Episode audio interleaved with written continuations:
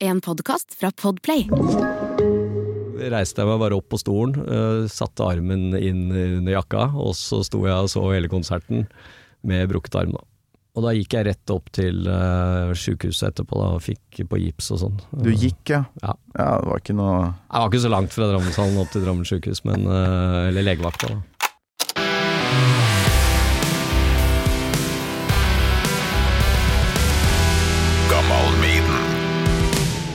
Gave, ja? Skal jeg få den? Ordentlig gammel button med liksom eh, Ja, ja. trynet fra første albumet, det her. Ja, ja, ja. Det er um, Og jeg, jeg mener å huske at jeg uh, kjøpte den når jeg var i, øh, i, i London i sommeren 1980, da jeg var på språkreise i, i Hastings, som ligger på sydkysten. Så var vi en dag oppe i London, og så Da ble det jo til at vi gikk i Carnaby Street og sånt noe, ikke sant. Og jeg var jo stor Kiss-fan, så jeg kjøpte Kiss-plakater. De der kjempestore Kiss-plakatene som var to meter ganger 1,20 eller noe sånt. Nå. Mm. Enormt svære. Kjøpte to, øh, to Kiss-plakater, og så kjøpte jeg en del buttons. Og så så jeg det ansiktet der, og så tenkte jeg bare Jeg har aldri hørt om Iron Maiden før. Så så jeg det ansiktet, og så tenkte jeg bare faen, jeg vil kjøpe den der button der. Så den har jeg hatt helt siden. Eh, og så tenkte jeg Og så skal jeg få en? Ja, det tenkte jeg var en passende anledning. Jeg får lov å være med i, eh, Fy flate. i uh, Gammal Maiden-podkasten. Gammal Maiden. Med Torkil Thorsvik. Det, det var jo sånne svære vegger med buttons, ikke sant. Du kjøpte meg selvfølgelig noen Kiss-buttons og sånn, men, men så så jeg den der og tenkte jeg fader, den var tøff. Så jeg kjøpte den, og så kjøpte jeg en, eh, en Sex Pistols-pinn også. Uh, button. I Eh, 1980. 1980, ja. Nei, fy flate. Hvor gammel er du egentlig? Jeg er født i 65, så jeg er ikke så gammel, men Jeg tror vi kjører på. Anders Palm, hjertelig velkommen til Gammal Maiden. takk for det. Ah, slurk kaffe, og du får på deg det headsetet der, ja. Skal jeg ha på meg mitt? Nei, tusen takk for den bøtten. button. Og bok, som du kom med her. Må jo nesten Bok på radio er jo litt vanskelig, men jeg tror folk skjønner hvor svær og tung den her er når jeg gjør sånn her. Hør på lyden av den her herlige boka som uh, du alene, eller, har laga den her. Du, eh, jeg har skrevet eh, og jobbet med den eh, alene, men min gode kamerat Jon Dalby, fra, også fra Drammen, han har vært med og designa. Og laget designet og satt sammen sidene, og også selvfølgelig bidratt mye i diskusjoner. Da, hva vi skal ha med og ikke ha med. og og, eh, og sånt. Så, um, så, så det har egentlig vært et samarbeid mellom oss to, da. Oh, her bladde jeg opp, og så er det bildet av Bruce Dickinson med den derre sjuke jakka han hadde på Summer in Time-turneen. Den tror jeg var tung, for det var mye batterier å styre for å få til lyset inni det, det, det For det var sånn hjerte og ja, masse lyser Ja, litt sånn derre Nesten sånn derre Mutant Ninja Turtles-outfit han hadde på den tida der. Så Ja. det var uh, han skulle liksom være en reptile fra outer space, tror jeg. Ja, antageligvis. Gary Moore her. Altså, det er Jeg må nesten bare forklare, for i permen her så står det jo Her har du bare lagt masse billetter på rekke og rad. Eh, for du har fått tak i alle de gamle billettene nå, eller? Ja, de aller fleste av de fikk jeg tak i. Eh, Jeg hadde jo selvfølgelig noen selv, da, eh, ettersom jeg har vært på en del konserter selv. Og så er det kompiser og bekjente som har bidratt. Og så, mm, og så har jeg faktisk etterlyst litt på diverse sånn fora på Facebook og sånn, og fått folk til å, til å bidra, da. Ja. Så utrolig mange som har tatt vare på billetter. Eh, spesielt eh, heavy-fansen, de tar jo vare på alt. Så, så det var jo det enkleste å få tak i. Men uh, kult å få tak i liksom, billetten til Bonnie M og Supertramp og, og sånt også, da, som jo var de første konsertene. Det er så bra at folk tar vare på billetter. Det skjer jo ikke lenger. Nei, og så var det jo den gangen så var det jo i hvert fall eh, både Drammenshallen og Ekeberghallen og disse, så, så var jo liksom billettene på en måte litt sånn designa og litt sånn litt ålreit å ta vare på, da. Uh, etter hvert som posten kom og sånn, så ble jo billettene ganske sånn ensformige og kjedelige. Så det er ikke like morsomt å ta vare på billetter fra, fra 80-tallet Nei, fra 90-tallet. Og seinere så er jo alt øh, elektronisk og sånn, så det er liksom Ja, billetten var liksom et eget lite dokument den gangen, da. Det er jo det. Så nå leser jeg bare opp her fra alle bildene som ligger i permen, og bare for å vise hvor mange storheter som faktisk har spilt i Drammen. Ikke i Oslo, men Drammen. Altså det er ACDC, det er Queen, Eurythmics, Eric Clapton, CC Topp, eh, Christer Berg, Kiss, Sting, Jethro Tull, Elton John, Bon Jovi, Dio, Judas Priest, Maiden så klart, Ossie Osborne, George Michael, Supertramp, Santana, Diana Ross, Tina Turner, Yes, altså Kan ikke komme gjennom alt det. Stevie Wonder, a-ha, ikke minst. Eh, det, og, og, for, var det ikke noe ordentlig sånn eh, konsertscene i Oslo? Var det det som var grunnen til at det havna i Drammen, alt det her?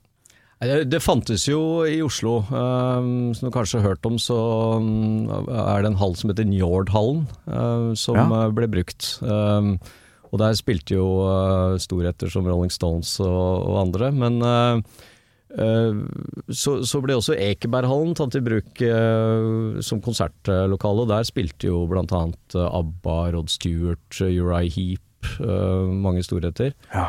eh, på, på 70-tallet. Men eh, jeg tror eh, etter hvert så, så ble det litt sånn vanskelig for Oslo kommune å, å, å finne ledig tid til å leie ut til andre ting enn idrettsarrangementer. for det, Ekeberghallen var ganske sånn etterspurt. Eh, det var jo ikke så mange idrettshaller på, i Norge på den tida. Og så, og så ble da Drammenshallen eh, bygget og åpnet i 78. eh, og så var det Idrettsalliansen, som var en sånn allianse blant idrettsklubbene i Drammen. De tenkte at de skulle prøve å arrangere en konsert, da. Så de arrangerte en konsert med Bonnie M i eh, 79. Ja. Og eh, frakta da stoler fra Ekeberghallen i Oslo. eh, 3500 stoler. eh, Sikkert med masse sånne små lastebiler, og, og kjørte frem og tilbake på dugnad. Og så arrangerte de Bonnie hjem, og det kom eh, ja, 3600 eller sånt som kom på den konserten. Og da, da ble det liksom Oi, det går an å arrangere konsert i Drammenshallen. Ja. Men eh, Idrettsalliansen fant ut at dette er ikke noe vi driver med. Eh, jeg tror de ikke tjente noe penger på det, og det var veldig mye jobb og sånn. og Mm. men, men da kom jo Gunnar Eide på banen da, eh, og så at eh, her er Drammenshallen en mulighet. Eh, og Drammenshallen var jo faktisk den største hallen eh, flatinnholdsmessig i hele Norden, faktisk i 78. Det er til og med større Ja. enn eh, disse hockeyhallene i Sverige. Eh, men eh, det er flatinnhold, da, ikke i eh, ikke liksom antall publikum, for at uh, hockeyhallen i Sverige hadde jo uh, mulighet til å ta over 10 000, og der var det liksom bratte tribuner og høye tribuner, ikke sant. Mens uh, Drammenshallen er jo i utgangspunktet en, en idrettshall som er uh, stor i flatinnhold. Eh, Det er vel fire håndballbaner som Ja, det er som, såpass, ja. ja. Og, og de kan dele opp hallen i fire liksom, haller, da. Og så og så var det jo noen tribuner på sidene, og så hadde de noen sånne teleskoptribuner som de kunne trekke ut fra, fra sida. ja. Um, og det hadde de bakerst i hallen, da, eh, blant annet. Og, og, og litt på sidene bak. Så, så det var plass til um, eh, mellom 5500 og 6000 eh, mennesker der. Så det var liksom det stedet hvor de kunne arrangere konserter med, med mye publikum. Da. Så Men det er inntil nylig at jeg har skjønt at det var stola, At folk, til og med på Maiden-konsert og Kiss og alt det der, så satt folk på stoler.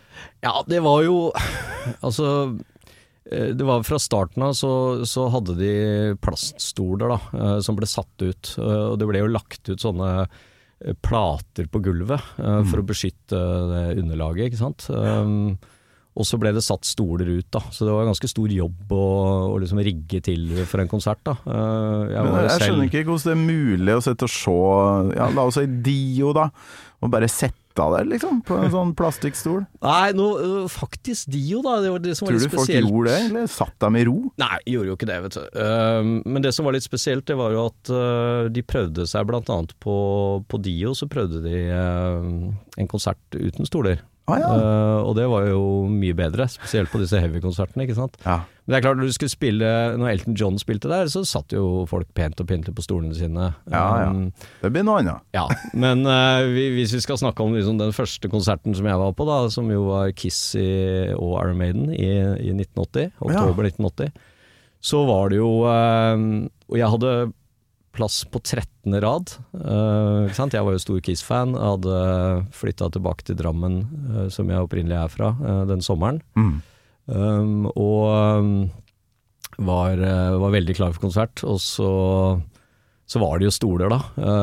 Men allerede under Maiden, som um, Supportbandet Maiden. som eh, var support for Kiss, eh, så ble det jo kaos med de stolene, ikke sant. Eh, Og det ble det, ble det, var stoler overalt. Det var, så, så det stolgreiene, det var et, et helvete. Og jeg skulle jo ønske at de, ikke hadde de stolene der, da. Det skapte mye problemer på en del konserter. Men Ja. utrolig nok så, så ble det ingen sånne alvorlige ulykker der, da. Eh, Nei, nå blar jeg jo da opp her, for det ser ut som du har dekka med opptil flere sider av den Kiss-konserten. For den, Ja. det er liksom en sånn mytisk eh, kveld, det der. ja, det var det, vet du. Uh... Her er svært bilde av Gene Simmons. Ikke, ikke, ikke bare det at det var eh, liksom eh, Kiss for første gangen i Norge, men det var jo liksom eh, Det var så mye forhåndsomtale. eh, Masse liksom på forhånd med, med ukeblader og aviser og sånn som skrev om dette sceneshowet. Og så var det jo så var det jo Peter Chris da, som hadde forlatt Kiss, ikke sant. Ja. Ikke så veldig lenge før eh, konserten. Og vi var jo veldig spente på hvordan dette skulle gå, da. Å få inn en ny trommis der, da. Ja. Så Ja, men Her har du jo farske meg bilder fra VG, og her er Kiss uten masker. For det er flere som har snakka om her i Gammal Maiden. ja, Det, var et jo sånn en- kjipt øyeblikk for Kiss-fansen. Ja, det var det. Og det verste var at det var jo etter konserten. Altså Det var jo noen dager etter konserten så VG hadde det oppslaget. Og um, de hadde jo da greid å filme med noen noe linser og sånt øh, langt underfra. Og Når gutta kom ut på Fornebu der med, med uten masker, uh, så er det jo ikke så veldig synlig. Uh? Ace øh, snur seg jo bort der. Mm. Simons og Stanley er vel kanskje de du ser mest. Erik Carr er stort sett gjemt bak et svært hode med hår. Så um, Oi, og så står det 'Aldri mer Kiss i Drammenshallen', en, eh, en tittel under her i, i denne avisartikkelen. Ja. Eh, for da Ja, det var, Det var veldig var jo liten skrift, men da hadde de altså 'Vi vil ikke ha band som uh, oppfordrer publikum til å bryte vedtektene i Drammenshallen'. Han har ikke skjønt hele greia med rock'n'roll på denne tida, tydeligvis. Nei, og det var jo, ikke sant, uh, som jeg nevnte i stad, da, så Iron Maiden de var ganske tidlig ute med å liksom si til folk uh, kom framover, ikke sant. Ikke sitt der på stolene, kom framover. Så det ble jo kaos ut av det. Og så var det jo siste um, konserten på turneen. Ja. Så det ble litt sånn feiring i garderoben og sånn. Så, så det er liksom det er bilde av han halvsjefen da med, med liksom et sånn bord med litt sånn tilgriset med litt sånn matrester og sånt på, og så er det liksom forferdelige griser, da. Dette vil vi ikke ha igjen i Drammenshallen, ikke sant. Men det, altså, det var jo veldig uskyldig da, egentlig. Det var jo ikke noe ramponering eller noe sånt. Det var jo liksom litt, litt matrester på et bord, og så var det liksom katastrofe. Men uh, det var jo litt sånn det var på 80-tallet. Ja, du, det er jo for et arbeid du har gjort der. Hvor lenge har du holdt på? Det er jo billetter, det er, det er noe merch du har fått bilde av her, og, og mye sånn eh, ja, anmeldelser, ikke minst, og, og avisoppslag. Mm. Hvor lenge har du holdt på? Du, eh, yes, ideen fikk jeg vel sånn ca. 19... Uh, nei, unnskyld, eh, 2010. Uh, da var det 30 år siden jeg var på, på Kiss og Maiden. Og så um, tenkte jeg liksom, ja, hvordan skal jeg sette i gang med dette her da? Uh, jeg er jo ikke forfatter jeg, så jeg starta liksom litt på biblioteket i Drammen og finne fram litt materiale og sånn, så det var liksom starten. Men så, så hadde jeg litt mer tid i 2014 mellom noen jobber og sånn, så da brukte jeg også litt mer tid. Uh, fikk noe hjelp av noen kompiser, Tor Rune Haugen, som eh, jo har vært innom her. ja, ja. Um, og han uh, hjalp meg litt uh, til å bla litt og, og finne, finne materiale uh, på biblioteket i Drammen. Og så og så ble det egentlig liggende, og så har jeg liksom samla stoff hele tiden da, når jeg har kommet over noe. Men eh, når da denne koronanedstengningen kom i mars eh, 2020, så tenkte jeg at nå, nå kan jeg benytte den eh, nedstengninga til noe fornuftig. Så da tenkte jeg at nå skal jeg sette meg ned. Uh, Få det ferdig? Og så skal jeg få det ferdig, og så skal jeg liksom skrive og sette meg ned og virkelig liksom uh, jobbe konsentrert med dette. da. Så så da har jeg jobba egentlig ganske konsentrert med det nå i halvannet år, da. Uh, litt sånn til og fra. Men uh, det har vært veldig artig da, å holde på med, å grave i den gamle historien der. Føler jo liksom at man dokumenterer 80-tallet på en måte. Ja, men da har vi jo samme jobb, jeg og du, da. Jeg lager Gammal Maiden, og du lager duk... Ja, for det er jo Hva er greia med sånne som oss? Vi blir nostalgiske, og så har vi bare lyst til å vite mer om hva som foregikk på den tida der.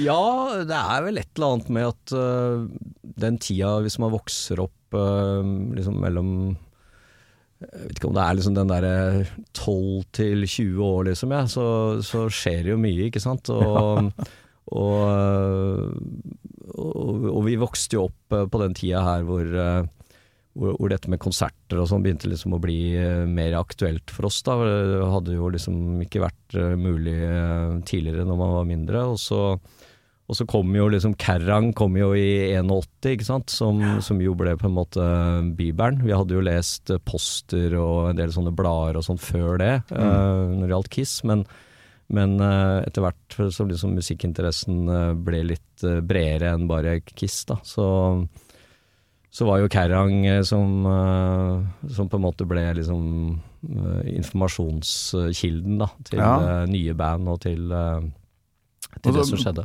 Plutselig så kom jo da verden til Norge. For eh, apropos nostalgi, det ligger jo plutselig en sånn Kalvøyfestivaldokumentar nå på NRK nett-TV som jeg sjekka her om dagen. Også bare sånn åh, jeg var jo aldri der. Jeg var heller aldri i Drammenshallen på konsert, men det er noe spesielt med å liksom lese om det, se det på TV og, og få det tilbake, da. Det- Ja, absolutt. Uh, Kalvøyfestivalen var jeg jo på, på flere ganger, og det var jo en eh, eh, litt sånn Det var litt sånn rart, for jeg bodde, bodde jo eh, eh, i Drammen eh, eh, mange år fram til jeg begynte å studere og sånn, men uh, når jeg flytta inn til Oslo, så ble jo liksom Kalvøya enda nærmere, da. Mm. Så det var jo men, men, men, men dette med Drammenshallen, ikke sant? det er jo Det var jo helt øh, surrealistisk. Jeg husker liksom den derre Uh, jeg fikk vite liksom at Kiss skulle komme til Drammenshallen. Altså, en ting var at de skulle komme til Norge for første gang, men de skulle faktisk komme til hjembyen min Drammen. Jeg kunne ta bussen ned. ikke sant? Jeg bodde på Åsia, som er en liksom bydel øh, litt utafor sentrum. Ja. Eh, kunne ta bussen ned til, eh, til byen og så kjøpe billetter og, og dra, på, dra på konsert. Det var eh, fantastisk. Men da har du Jeg har jo et fast spørsmål om man husker første gang du har hørt Iron Maiden. Så det har du da sikkert allerede svart på, eller? Ja, det, det, var jo, det var jo den 13. oktober 1980 da, som, som det, de spilte support for, for Kiss. For jeg hadde ikke det var, det var vel sånn at, ikke sant, eh, som jeg nevnte, så, så hadde jeg jo kjøpt den der button, og jeg hadde jo liksom sett den der Iron Maiden-ans... Eller altså Eddie-ansiktet, da. Altså Det Eh, var før, så den button-greia hadde du fra før. Ja, Jøss. Eh, så, så, så den hadde jeg liksom på en måte Jeg, hadde, jeg visste jo om de, Ja. eh, men, men det var ikke noe som jeg hadde hørt. For det var, det var liksom Det var, var ett år før Kerrang kom, ikke sant. Det kom sommeren 81, og så var det mm, Og da, og da begynte jeg også å høre mer på, på BBC, på Friday Rock Show og sånn, så, så jeg hadde liksom ikke mm, Eh, det, var, det var ingen som hadde kjøpt en plate eller noe sånt av de kompisene mine, så det, vi, vi var bare opptatt av Kiss. Ikke sant? Vi var bare, det var Kiss-konserten som skulle komme, og, og vi fikk jo vite relativt seint at Maiden skulle være forband. Det var jo ikke noe sånn som vi liksom bare visste når vi kjøpte billetter. Det var jo noe som vi så jo på i annonsen eller i avisa eller noe sånt nå. Eh, Vi fikk informasjon om det. Så jeg tenkte egentlig ikke noe på at ah, nå må jeg høre meg opp på Maiden før konserten. Det, det, det var liksom ikke aktuelt. Så, um, så det ble nok bare til at jeg møtte opp, og så Likte du det, eller? Ja, altså det, det jeg kan huske da, det var jo at eh, at det var litt sånn der uh, styr framme scenen der. Ikke sant? Jeg, som sagt så hadde jeg billett på 13. rad. Uh, jeg var nok liksom litt på vei framover når Maiden begynte å spille. Jeg tenkte jeg skulle posisjonere meg litt inn foran Kiss. kom på da, Men jeg husker bare at jeg syntes at det var jævla tøft. Altså, det var liksom, liksom litt sånn rått og tøft. Eh, og så hadde de jo litt sånn litt pyro også, vet du. De hadde noen røykgreier som gikk av på, på siden der. Og det var De hadde det? Ja, det, det var tøft. Og jeg tenkte liksom Og, og, snakka jo med noen kompiser etterpå, husker jeg, og da tenkte vi liksom at fader eller det var jævlig tøft. Det var nesten sånn at Kiss ble litt sånn snilt i forhold, da. Fordi at eh, da hadde jo, ikke sant, Kiss hadde jo vært i Uh, hadde jo beveget seg liksom med, med Dynasty og Unmasked over i litt mer sånn uh, poprock-stil, Ja, ja, ja. da. Så, så vi syns jo ikke det var like tøft lenger med Kiss, men, eh, men Risky å ha Maiden som supportband, ass. ja, Maiden var, Maiden var Det var liksom noe rått og noe sånn eget, da. Men, men, men det ble ikke sånn at jeg tenkte etterpå at åh, nå må jeg gå ut og kjøpe plata, nå må jeg liksom begynne å høre på Maiden. Det, det gjorde jeg faktisk ikke. Det, men, eh, men det var flere som ble eh, Die Hard Maiden-fans etter, eh, etter den konserten, altså. Det var Ja, ja. Har, det er jo en eller annen engel som har uh, hatt en båndopptaker i lomma eller noe sånt her, og lagt ut på YouTube litt lyd fra åpninga av Kiss-konserten. Jeg tror de introduserer liksom med at uh, 'Hello Oslo' eller noe sånt, kan det stemme? Ja, de ja. tror de er i Oslo. Alle trodde det. Det var ingen som skjønte det var i Drammen. Men hør på det her, det er ganske crappy lyd, da.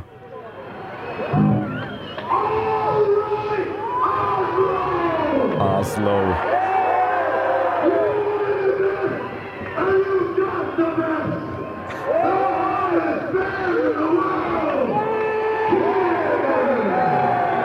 Hottest band in the world.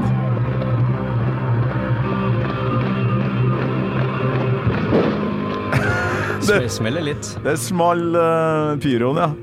For jeg er rett på Detroit Rock City her. Ja. Og det er den der litt pappaktige lyden av, av pyro. Det er Det var, kult, eh, kult at noen har tatt det opp, for da er det dokumentert. Det Det, det smalt godt, altså. Det, jeg husker liksom den der, Jeg husker fortsatt hvordan det var å kjenne varmen fra pyroen i ansiktet. Ja. Eh, ikke sant? Og la oss si at jeg hadde rota meg framover fra 13. rad til kanskje 7. og 8. Da, ikke sant? Jeg sto ikke helt i front, men det var ikke langt unna, liksom. Mm. Uh, og de kjente liksom den der varmen da, som kom i ansiktet. Uh, og det var en sånn følelse som jeg tenkte liksom etterpå at uh, det, det var jo første gang jeg opplevde Ja, liksom det er jo helt vilt.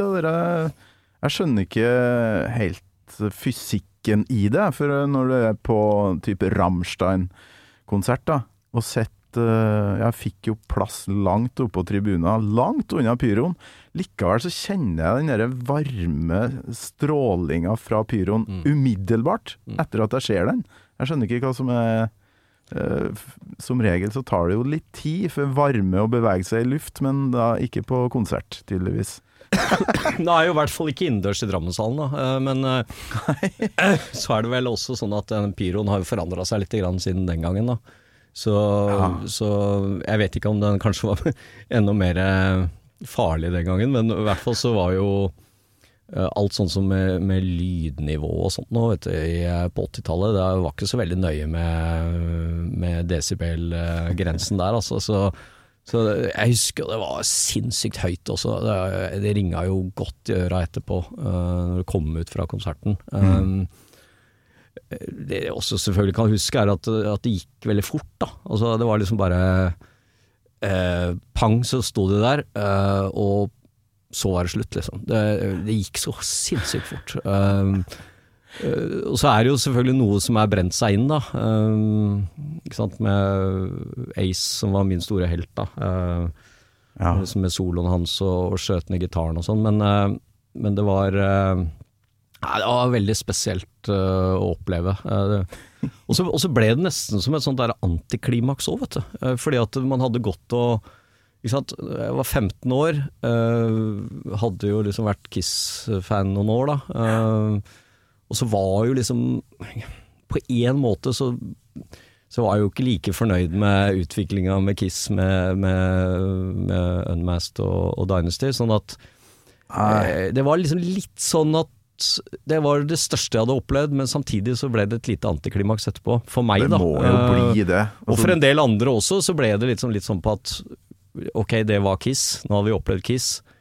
Og så var det sånn at fra 81 så ble det egentlig alle de andre banda som kom, som, som eh, man ble mest interessert i. Så Kiss ble lagt litt grann sånn eh, bort, da. Eh, jeg det var jo ikke sånn at jeg reiv ned alle Kiss-plakatene mine og sånn, men, men noen av de gjorde jeg kanskje. Og så kom det opp noe noe, noe Thin Lizzie og, og, og Whitesnake og sånn etter hvert. Da. Så, så det var eh, det, ble et slags antiklimaks, det ble det. Men eh, akkurat når det gjaldt Maiden, så ble det vel en litt sånn eh, Det var ikke sånn at jeg, at jeg ble noe stor Maiden-fan etter den konserten. Det ble jeg ikke. Men så, så var jo Det var vel egentlig først med med Peace of Mind, som liksom kom noen Ah. år etterpå, som jeg plutselig liksom fikk opp Selv om jeg hadde hørt mye Number of the Beast også, så var det likevel eh, Peace of Mind som liksom fikk opp uh, øra mine litt ekstra for Maiden. Da. Eh, Ja, okay. Jeg syns eh, jeg syns fortsatt det er liksom den beste Maiden-skiva, eh, selv om eh, de to første har en sånn egen sånn der aura over seg, og, Ja, ja. og alltid vil stå der som sånn eh, et slags uh, påle på liksom New Wave og British Heavy Metal. Altså. Så ja men det, det står jo Du har brukt noen sider på den uh, Ja, hva heter den? World Peace Tour ja, 83. ja. Så du den? Ja da. Uh, jeg, jeg, jeg, satt og tenkte litt grann her, uh, for at den, den Merkelig nok så spilte jo da Rock Goddess, var jo forband der. Ja. Og de Jeg, digga Rock Goddess, faktisk. Første skiva dem syns jeg er dritbra. Um, okay. Så, så øh, jeg hadde gleda meg Når jeg fikk vite at dem skulle komme, da, så gleda jeg meg veldig til det. Så det var nesten sånn at jeg at jeg husker mer fra Rock Goddess enn det jeg husker fra Arm Maiden-konserten. Det kan du ikke si. Bare, nei, jeg vet det er dumt å si i en sånn podkast som dette, men jeg må jo være ærlig, da. Rock ikke- Goddess, Jeg kan jo liksom. ikke ljuge heller, så Ja, jeg har aldri hørt dem, men eh, da, da må jeg jo sjekke ut dem, tydeligvis. Ja, den første skiva deres er eh, utrolig bra. Jeg har jo et jenteband, da. Tre unge jenter som, eh, fra England. Men Men her er det jo bilder av ja, Tatt av Roger Lien, står det, og Jon Dalby. Ja. Av Eddie, da, som er inn på scenen og sprenger mellom Bruce Dickinson i sånn Harlequin-tights, Ja. og, og Steve Harris her med svarte striper. Svarte og hvite striper. ja. Ja, det er jo helt Du kan jo ikke ha digga supportbandet mer enn det her. Møte med heavy-helter, står det her da. Bilde av en fyr.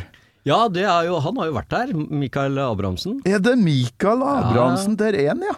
Jeg vet ikke Ja, han- vi snakka jo med det her, Ja, ja. faktisk. Så han, han jobba jo som I den episoden. bud i Dagbladet, mener jeg det var. Ja, og, ja, um, Skrevet av Hege Duckert. mm, og fikk i oppdrag å, å anmelde og intervjue Iron Maiden. Da. Så, så det var jo veldig kult. Jeg har jo blitt kjent med han øh, lenge etterpå. Ja. Um, Ja, her så- står det Mikael Abrahamsen er 17 år og bud i Dagbladet, og en ivrig heavyrock-fan.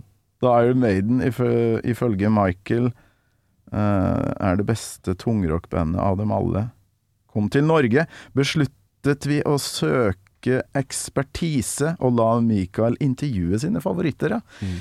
Det var litt lite av skreft her, så det ble Men så Altså For et nettverk du må ha for å ha fått tak i alt dette her. Det er så mye stæsj du har tatt bilde av. det.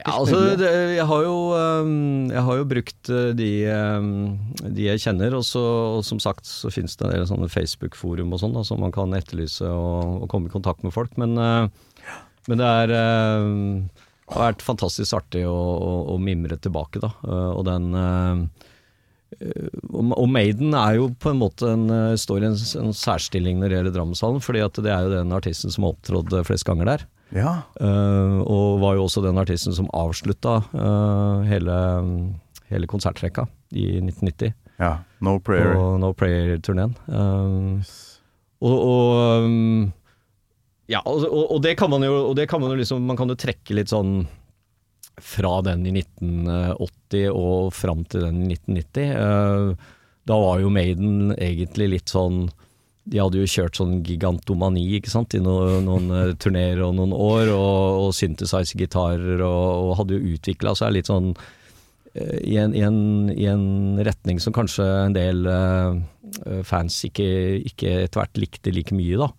Um, og jeg har jo lest intervjuet med Dickinson også i forbindelse med, med boka her, men også i ettertid at uh, han uh, syntes at de hadde liksom gått litt for mye over i, um, i gigantomanien da, med, med sceneproduksjoner og sceneshow, og så, og så skulle man liksom strippe det ned litt da, eh, Ja, på den, ikke sant. Og, og skiva er jo er vel spilt inn i garasjen til, eh, til Steve Harris eller noe Ja, sånt, det- eller i bakgården eller Det noe er sånt. nedstrippa litt mer rack and roll. Og det, det var det jo mange av de her eh, Seventh Son-fansene som ikke likte igjen. Ja. Sånn at eh, man blir jo aldri fornøyd. Nei.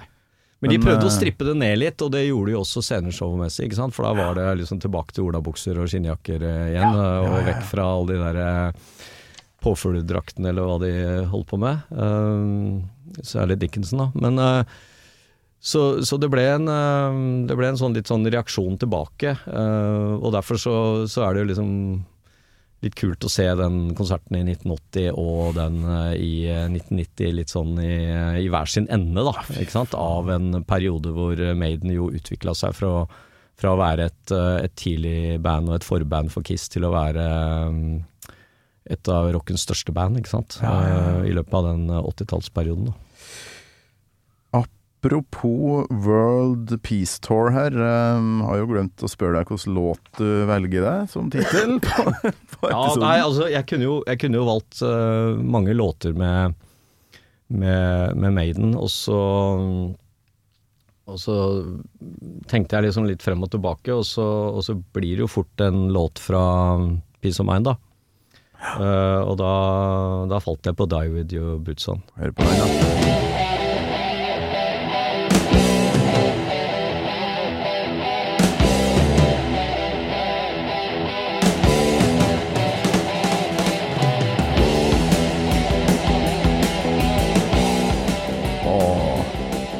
Nydelig sånne tvillinggitarer, vet du. eh, og, og den eh, bassen som ligger der og liksom eh, driver låta litt sånn fremover. Um, og så er det, er jo kul tekst, da. Uh, litt sånn kult refreng. Det er vel ikke så ofte Maiden har sånne koringsrefrenger. Nei, sånn spørsmål-svar-koring. Ja, det, det er ikke veldig mange låtene det er på. Men Nei, du har jo den derre Jeg syns det blir litt kleint av og til, altså. Særlig den derre um, Better watch out. Cause I'm the assassin. ja. Nei, det kommer kanskje kommer jo litt, litt seinere også, men uh, Det er bedre på den her, altså. Ja, If you're det- gonna die. If you're gonna die, if you're gonna Skal vi høyre der? Ja, ta med litt uh, bru bridge-partiet før her.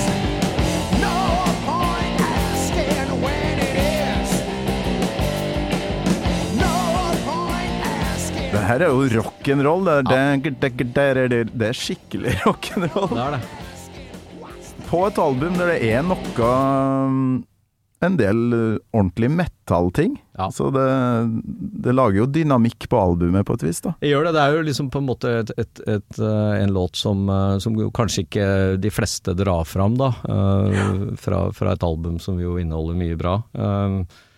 Så, så er det allikevel eh, og, og så liker jeg soloen der, eller uh, gitarsoloene, for det er vel både både Smith og Adrian Nei, også Ja, Dave Murray. Ja. Ja. Dave Murray som, som spiller liksom hver sin del av soloen. Da. Ja, ja. Um, Skal høye litt på det, men først litt uh, refreng, tenker jeg. For, for å høre det der spørsmål-svar-greia. jeg har jo hørt folk synes det er litt uh, At det er litt langtekkelig. Mm. At det blir gjentatt litt for mye, men uh, de lærde strides.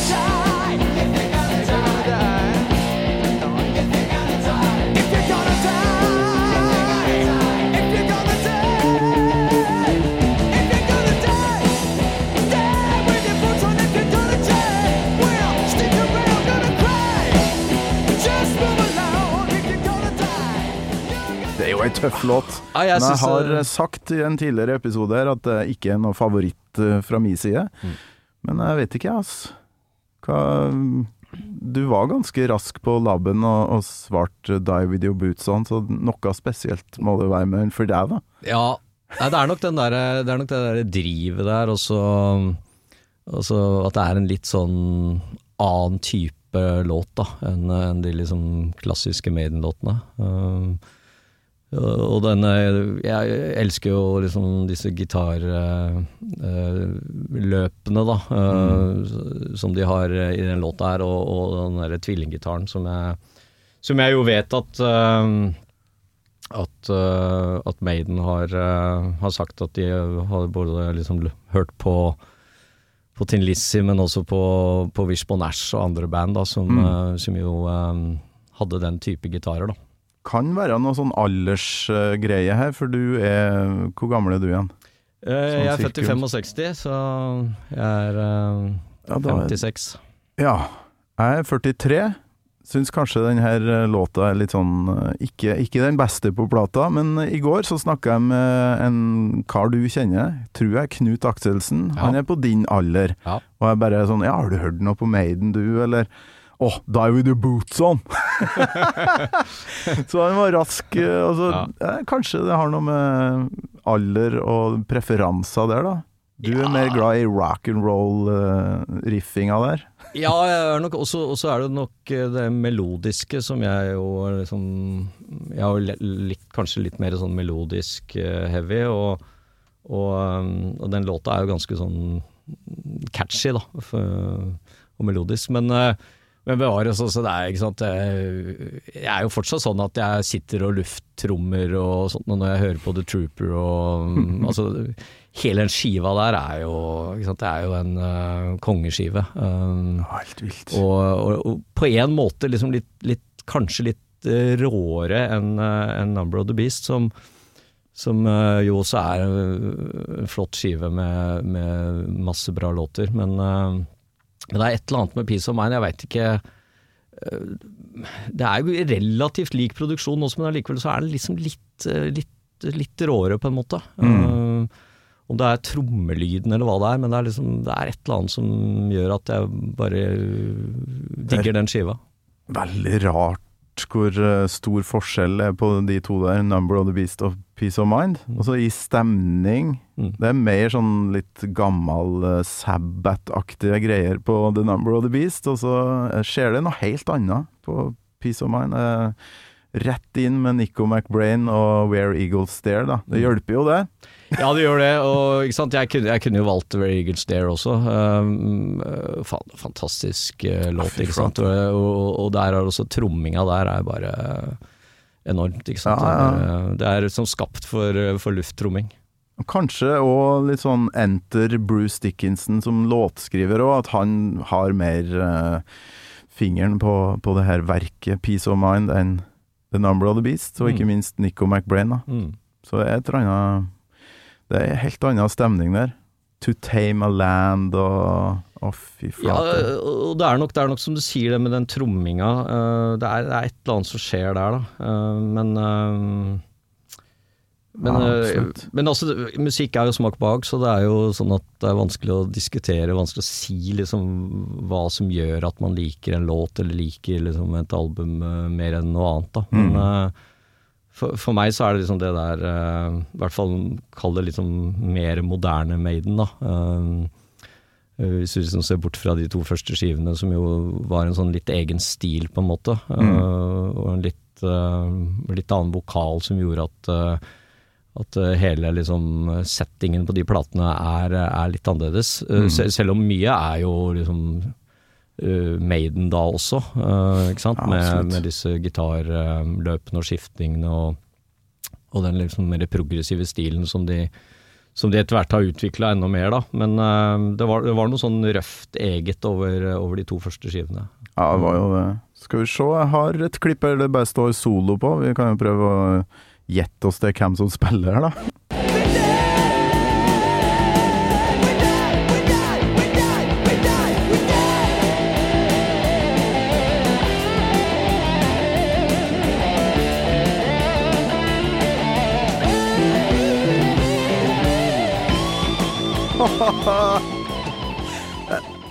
Altså, det her er favorittpartiet mitt i hele låta. Ja. Du, din, du, din. Fantastisk. Og du, og, veit at uh, vi har, vi har ikke, vi har ikke snakka om det før uh, nå, nå da, men uh, et av mine favorittband er, er UFO.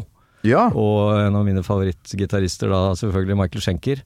Men og, og, der er det jo en ganske sånn connection eh, mot Maiden. Eh, som du veit så, så spiller jo Maiden Dr. Doctor før alle konsertene sine. Ja, ja, ja. Som siste låt eh, over P-en før den går på. Um, og, eh, og Steve Harris har jo, har jo, um, har jo sagt at eh, 'Strange in the Night', som jo er eh, UFOs glimrende liveskive, um, er, er liksom hans favoritt-liveskive. og og, øh, og Dr. Doktor er jo selvfølgelig derfra også. Men øh, jeg vet også at øh, både Smith og Murray har vel, spesielt Ellen Smith, har vel sagt at han er stor fan av, av Schenker øh, og UFO, da. Så øh, du hører jo litt av den der melodiske uh, gitarspillinga også, som, som jo Schenker Schenker er jo liksom en av de få gitaristene hvor du kan nynne soloen, ikke sant. Det er eh, en slags melodi i soloen. eh, Og Og det kan vi med den siste her òg, for det, jo, det var vel Adrian. Ja, det kan vi vel slå tror- jeg tror det var det. Det var så mye planlagt melodi der at uh, vi går for det. Men uh, jeg fant faktisk uh, her da Doctor Doctor som Når man hører det her, så får man jo en egen stemning, for da vet man at nå er det snart konsert Ja. med Maiden. Ja. For de bruker jo den her som, som intro. mm, de gjør det. Gjorde de det på 80-tallet òg, eller hva brukte de da? Du, jeg er faktisk ikke sikker på akkurat når de startet å bruke den, men uh, det var ganske tidlig, altså. Uh, selvfølgelig gjorde jo ikke det når de, uh, når de spilte i, i Drammenshallen i 1980, men men eh, ja, det, får vi google og finne ut av når de begynte å spille. Men jeg tror det var ganske tidlig, altså de har gjort det ganske lenge.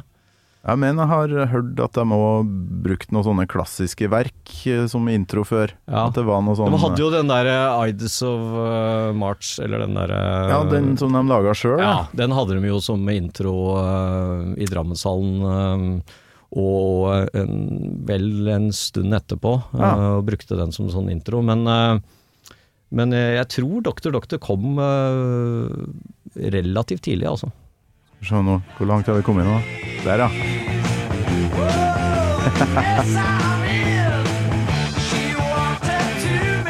Er jo dette også studioversjonen. Eh, De pleier vel å Jeg tror de pleier å spille versjonen fra Strange in the Night, altså liveversjonen, eh, som de bruker uh, før konsertene der, da. Og, har eh, den òg her. Altså. Du kan si at eh, de stripete spandeksene til eh, Steve Harris, det, det har han jo eh, Det har han jo tatt et sted fra, og det er Feetway UFO, da.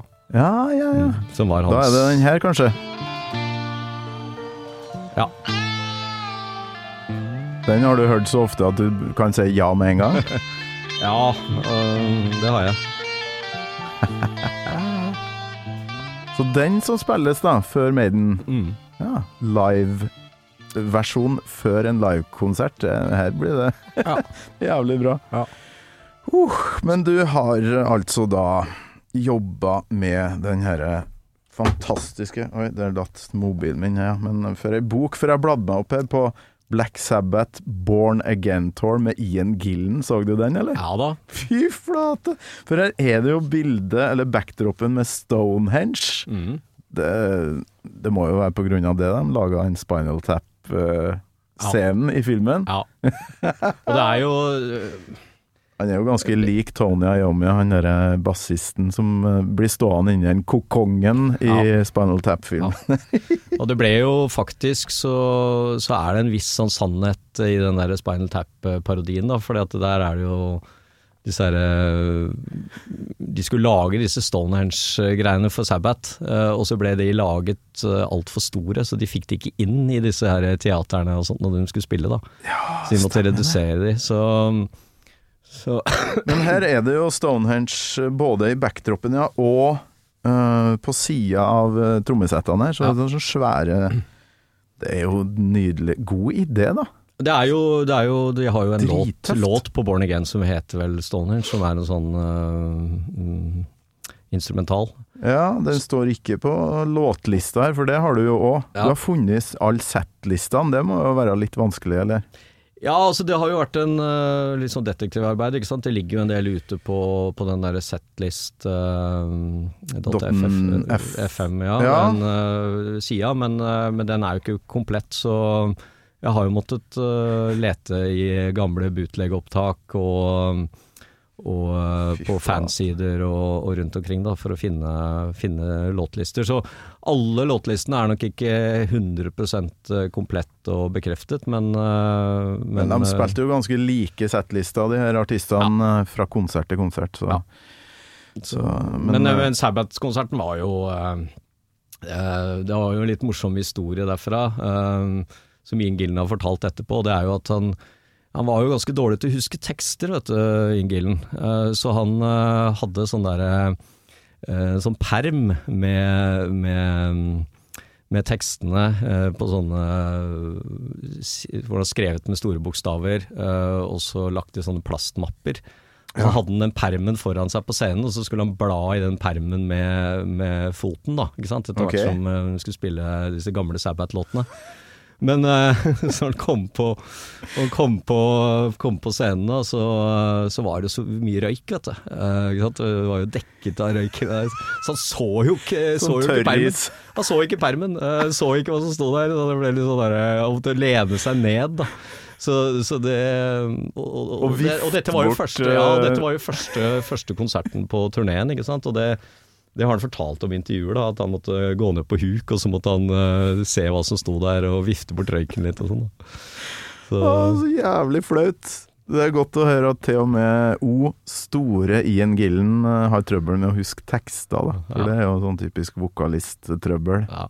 Nei, det var um, Fantastisk. Og for ei settlist, da. Når det, når det står 'Smoke on the Water' nest sist, og 'Paranoid' til, sist, Ja. til slutt, da. Det er spesielt. ja, vi, Black vi, Sabbath spiller 'Smoke on the Water'. Ja, det, det, vi, vi syns jo det var litt spesielt. Vi, vi var jo gamle Purple eh, Vi hadde jo vært liksom Purple-fans noen år og sånn, da, så det var jo stort eh, når, eh, liksom både Sabbath og, og Ian Gillen skulle liksom komme samtidig. Eh, men eh, det er men, rart. men vi, vi, vi rynka vel litt på nesen der vi sto, eh, ikke sant. Nå var vi blitt eh, 18 år og har blitt litt sånn eh, besserwissere, vet du. Og da rynka vi litt på nesa når vi spilte ja. spilte Smoke on Water, men uh, det var, det var en tøff konsert. Altså jeg er jo Born, Born Again er jo til min mening litt sånn undervurdert skive. Det er for, Ja. forferdelig cover og dårlig miksa og dårlig lyd, men eh, det er ganske mye bra låter der, da, syns jeg. da. Jeg syns jo Trashed og Zero the Hero og og ikke minst Born Again-låta er eh, fantastisk bra låter. da, 'Disturbing the Priest'. Så det er, eh, det er mye bra låter der, og Jeg har hatt den som ukas kassett i programmet mitt på Radio Rock, da, og det er jo Da fikk jeg litt sånn øynene, eller ørene opp for det igjen. Ja. For det er, som du sier, undervurdert. Men jeg, jeg googla litt, og da fant jeg sånn uh, oppslag i Drammens Tidende om denne boka som du har laga. Der det sto 'Brakk armen i konsertkaos'. Er det du, eller? ja, det var faktisk det. Du har brekt armen i Drammenshallen? Ja, jeg var, eh, jeg var publikum på U2. Altså jeg, det var, jeg likte nok eh, de tidlige U2-tinga. Um, og så hadde jeg tenkt, tenkte jeg at det er en konsert jeg må dra på. Og så, så var det disse stolene igjen, da. Uh, så når lyset gikk, så ble jeg stående liksom uh, oppå en stol uh, litt, litt bak. Og så begynte det å bli brukbar stemning og sånn, da. Så han Bono han sa når det kommer forover og sånn, og så tenkte jeg, for jeg kom litt forover da, så hoppa jeg liksom fra rad til rad. eh, Ja, forover, sånn, ja. men så var det en av de stolene, en av de stolene på, ytterst på den ene raden som var løs. Og så når jeg da kom hoppende, så, så ramla jo den stolen, og så tok jeg meg for med armen. Uh, og så kjente jeg jo at jeg ble litt uh, småkvalm, da. Uh, og så fant jeg ut at Du ble kvalm, du kjente ikke smerten? Jo, ja, det var vondt og ble kvalm, da. Ikke sant? Og så tenkte jeg fader så, nei, så reiste jeg meg bare opp på stolen, satte armen inn under jakka, og så sto jeg og så hele konserten med brukket arm. da. Så du så hele. Når var det? Jeg var 85, januar 85. Hvilket Eh, album hadde de ut da? Jeg er virkelig ikke noe U2-ekspert. Nei, eh, og nå tar du meg liksom sånn rett på, på fersken hvor jeg ikke tenkte på det, men her var Ja, det ikke samme, den, også, Det står vel på den turneen der på Ja, de dukka jo opp på den her Kalvøya-dokumentaren Ja, på riktig. NRK. Mm. Og det var jo deres første i, i Norge, da. Ja.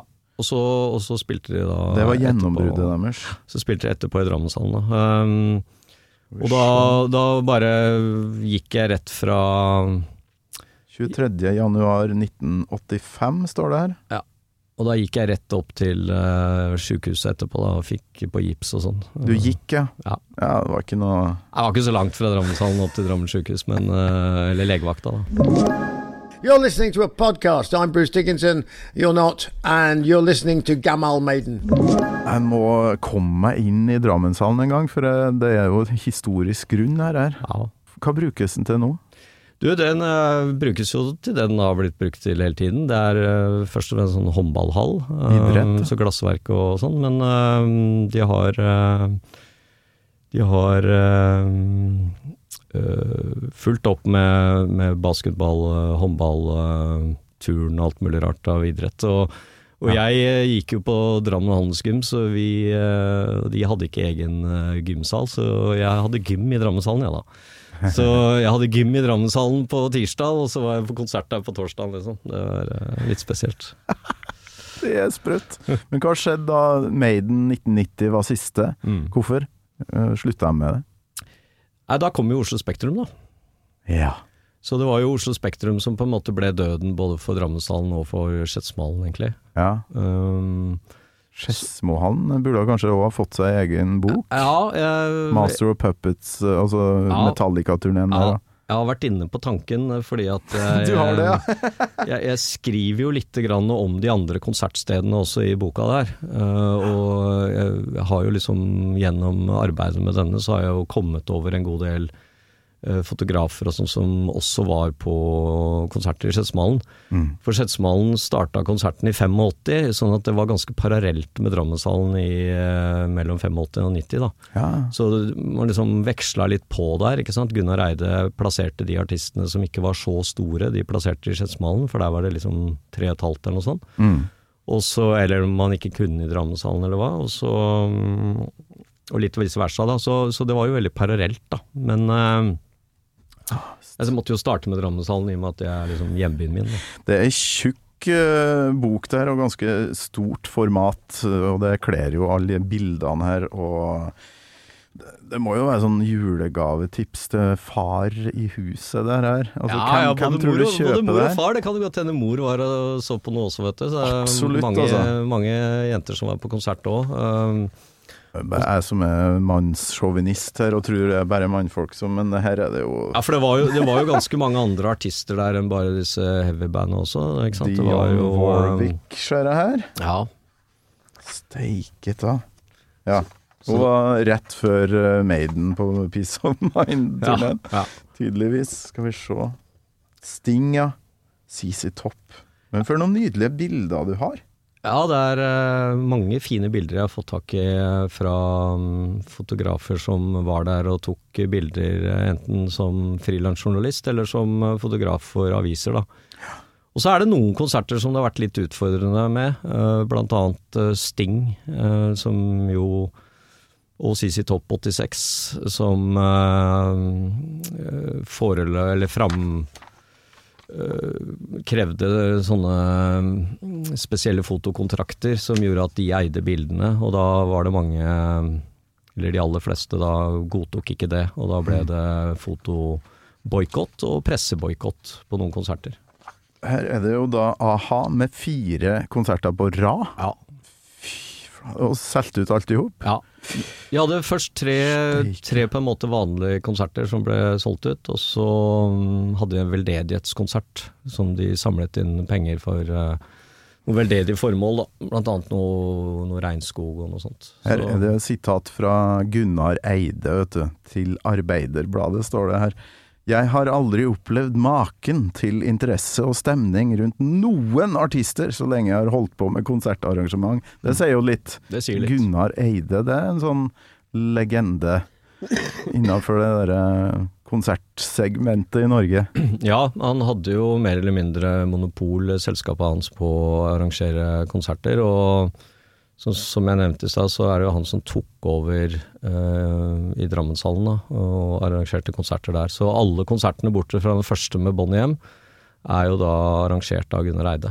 Ja, for det sto Gunnar Eide presenterer, gjorde det ikke det, på alle Jo. billettene? Jo. Det Altså, hvem var han? Leven Lever han fremdeles, eller? Nei, eh, han gikk bort for, for en del år siden, men han, var en, han har vært en konsert eh, som promoter da, i, eh, i mange år. Eh, Jøsses. men jeg egentlig en, var egentlig en gammel skuespiller, blant annet. Ja.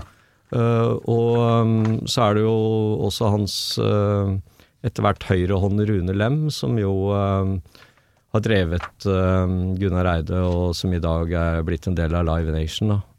Eh, og arrangerer jo fortsatt konserter. Eh, Rune Lem har jeg også snakket med, og bidrar også i, i boka her, da. Eh, han har selvfølgelig masse minner fra, fra, fra disse konsertene, og um, eh, var, det, var jo, det var jo en del sånn arrangementstekniske ting med Drammenshallen som var uh, fordelaktig visst. Eh, det var en relativt ny hall, så de hadde liksom en del sånn elektrogreier og sånn på plass. Og så var det grei tilgang inn fra sida med, med, med trailere og utstyr og sånt. Eh, det tror jeg var litt større utfordring med Ekeberghallen. Uh, Komme seg opp på Ekebergsletta der, og så er det litt sånn trangere og litt vanskeligere å komme til og sånt. Så Og Kalvøya, ikke minst. Kalvøya, ikke minst. Bitte lita av hengebru for å komme seg over. Det var en utfordring for dem. Det var en utfordring. flate. Jeg har faktisk et lydklipp fra a-ha, da. En av de her fire konsertene 1987.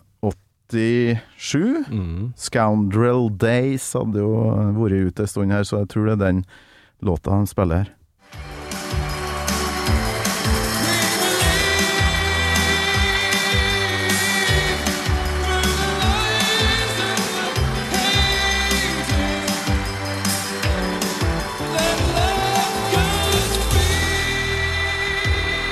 Du hører suset i bakgrunnen her, det er sånn Beatles.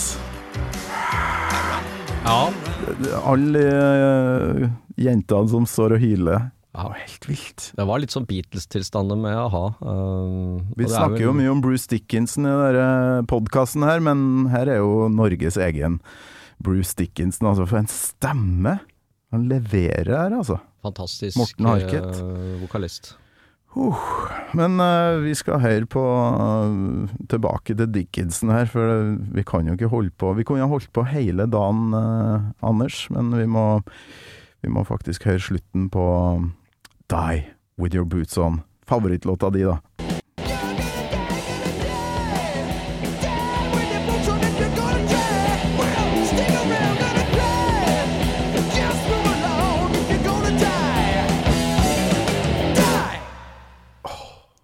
Det var kort og kontant der. Die! Og det er slutten på side A Ja. på vinylen, er det ikke det? Ja. Og kassetten, for så vidt. Så det er Trooper på, på side B der. Ja. Men det her har vært helt fantastisk artig, Anders, og jeg gleder meg sånn til å lese denne boka. Men du som har vært på så mange Drammenshallen-øyeblikk, da, må jo spørre om du har noe sånn høydepunkt. Hva er det største du sitter igjen med etter alle eh, konsertene dine? Det er, jo, det er jo vanskelig å komme unna den første med, med, med Kiss, da. Men eh, Det var jo en nedtur, sa du. Nei jeg, jeg, Antiklimaks? Ja, men, men det var mer etterpå, ikke sant. Der Ja. og da så var jo det enorm opplevelse. eh, Og, og i forkant og alt.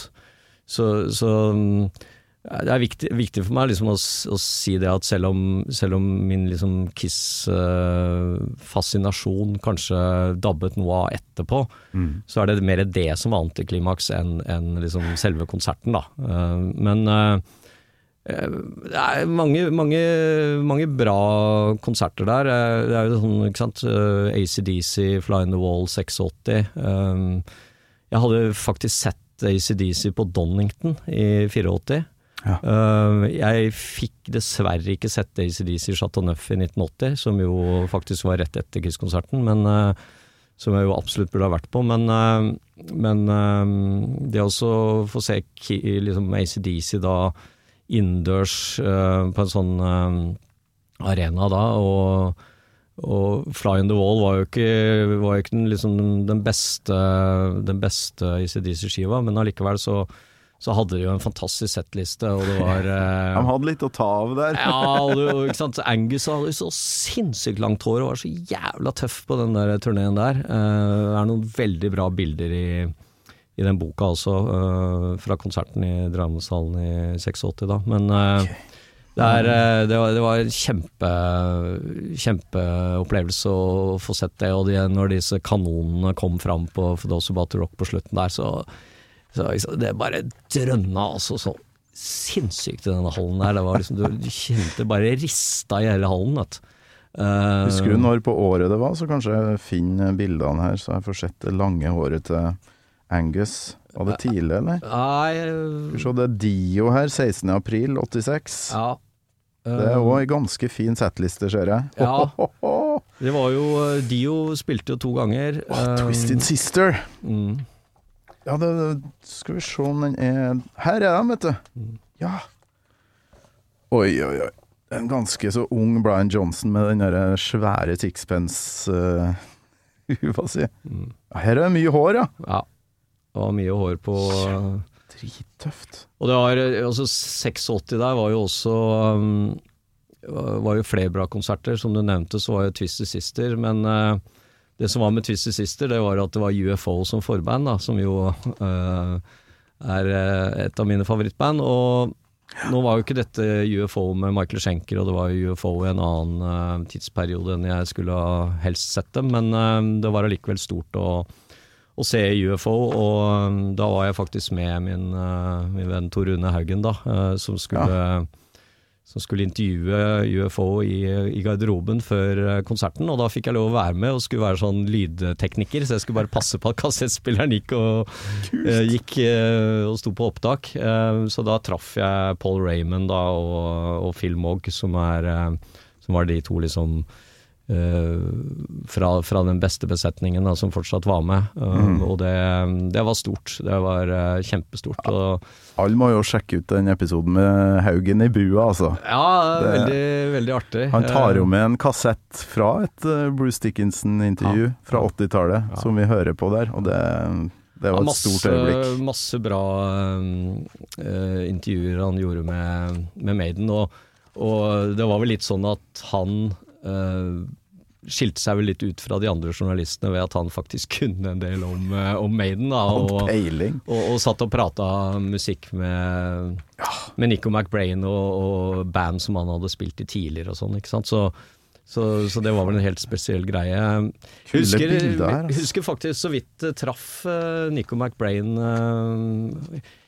vet ikke om det var eh, 88-konserten eller 90-konserten, men eh, det er kanskje at det var 88 som eh, Tilfeldig møte. ja, det var eh, for at jeg jobba som sikkerhetsvakt framme ved scenen, og så, så var det liksom når konserten var slutt, og så skulle vi liksom eh, passe på bandet når de skulle ut av hallen og sånn, og ofte så hadde vi en sånn liten eh, vi lagde sånn manngard på bakdøra der, sånn at de skulle komme seg ut eh, liksom uten at eh, for mange skulle, skulle komme og plage dem. Men, eh, og da sto jeg litt ute i ute i de eh, gangene eh, utover garderoben og sånn, så kommer jo Nick McBrain ut, vet du.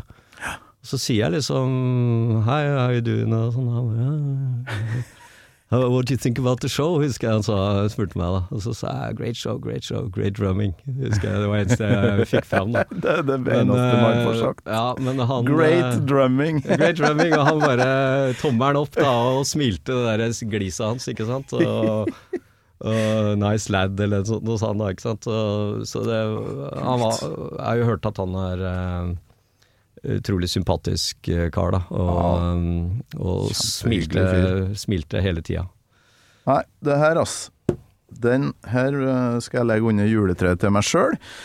Og så um, ønsker jeg deg all lykke til med salget av den her. Hvor får vi tak i den? Er det vanlige butikker? Ja, øh, man får tak i den på, på nett, øh, og så får man tak i den øh, i bokhandlere Ja. rundt om. Så det er bare å spørre bokhandlerne, så kan de bestille den inn. Um, og så har jeg um, lagt igjen noen eksemplarer på Big Dipper, som uh, platebutikken i Oslo. Så Tror jeg for de som er i Oslo Grei plass å ha den, ja. Ja, ellers så, så er den mulig å få tak i på både på nett og i bokhandel, da. Mm. Mm.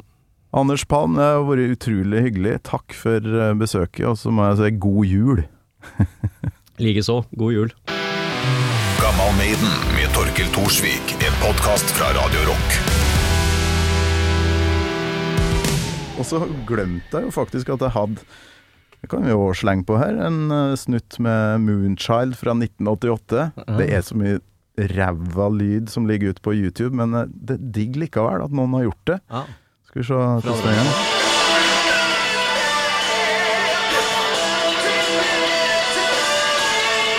Det er dårlig lyd, ass. Slutten på låta. Høres ut som han hoster.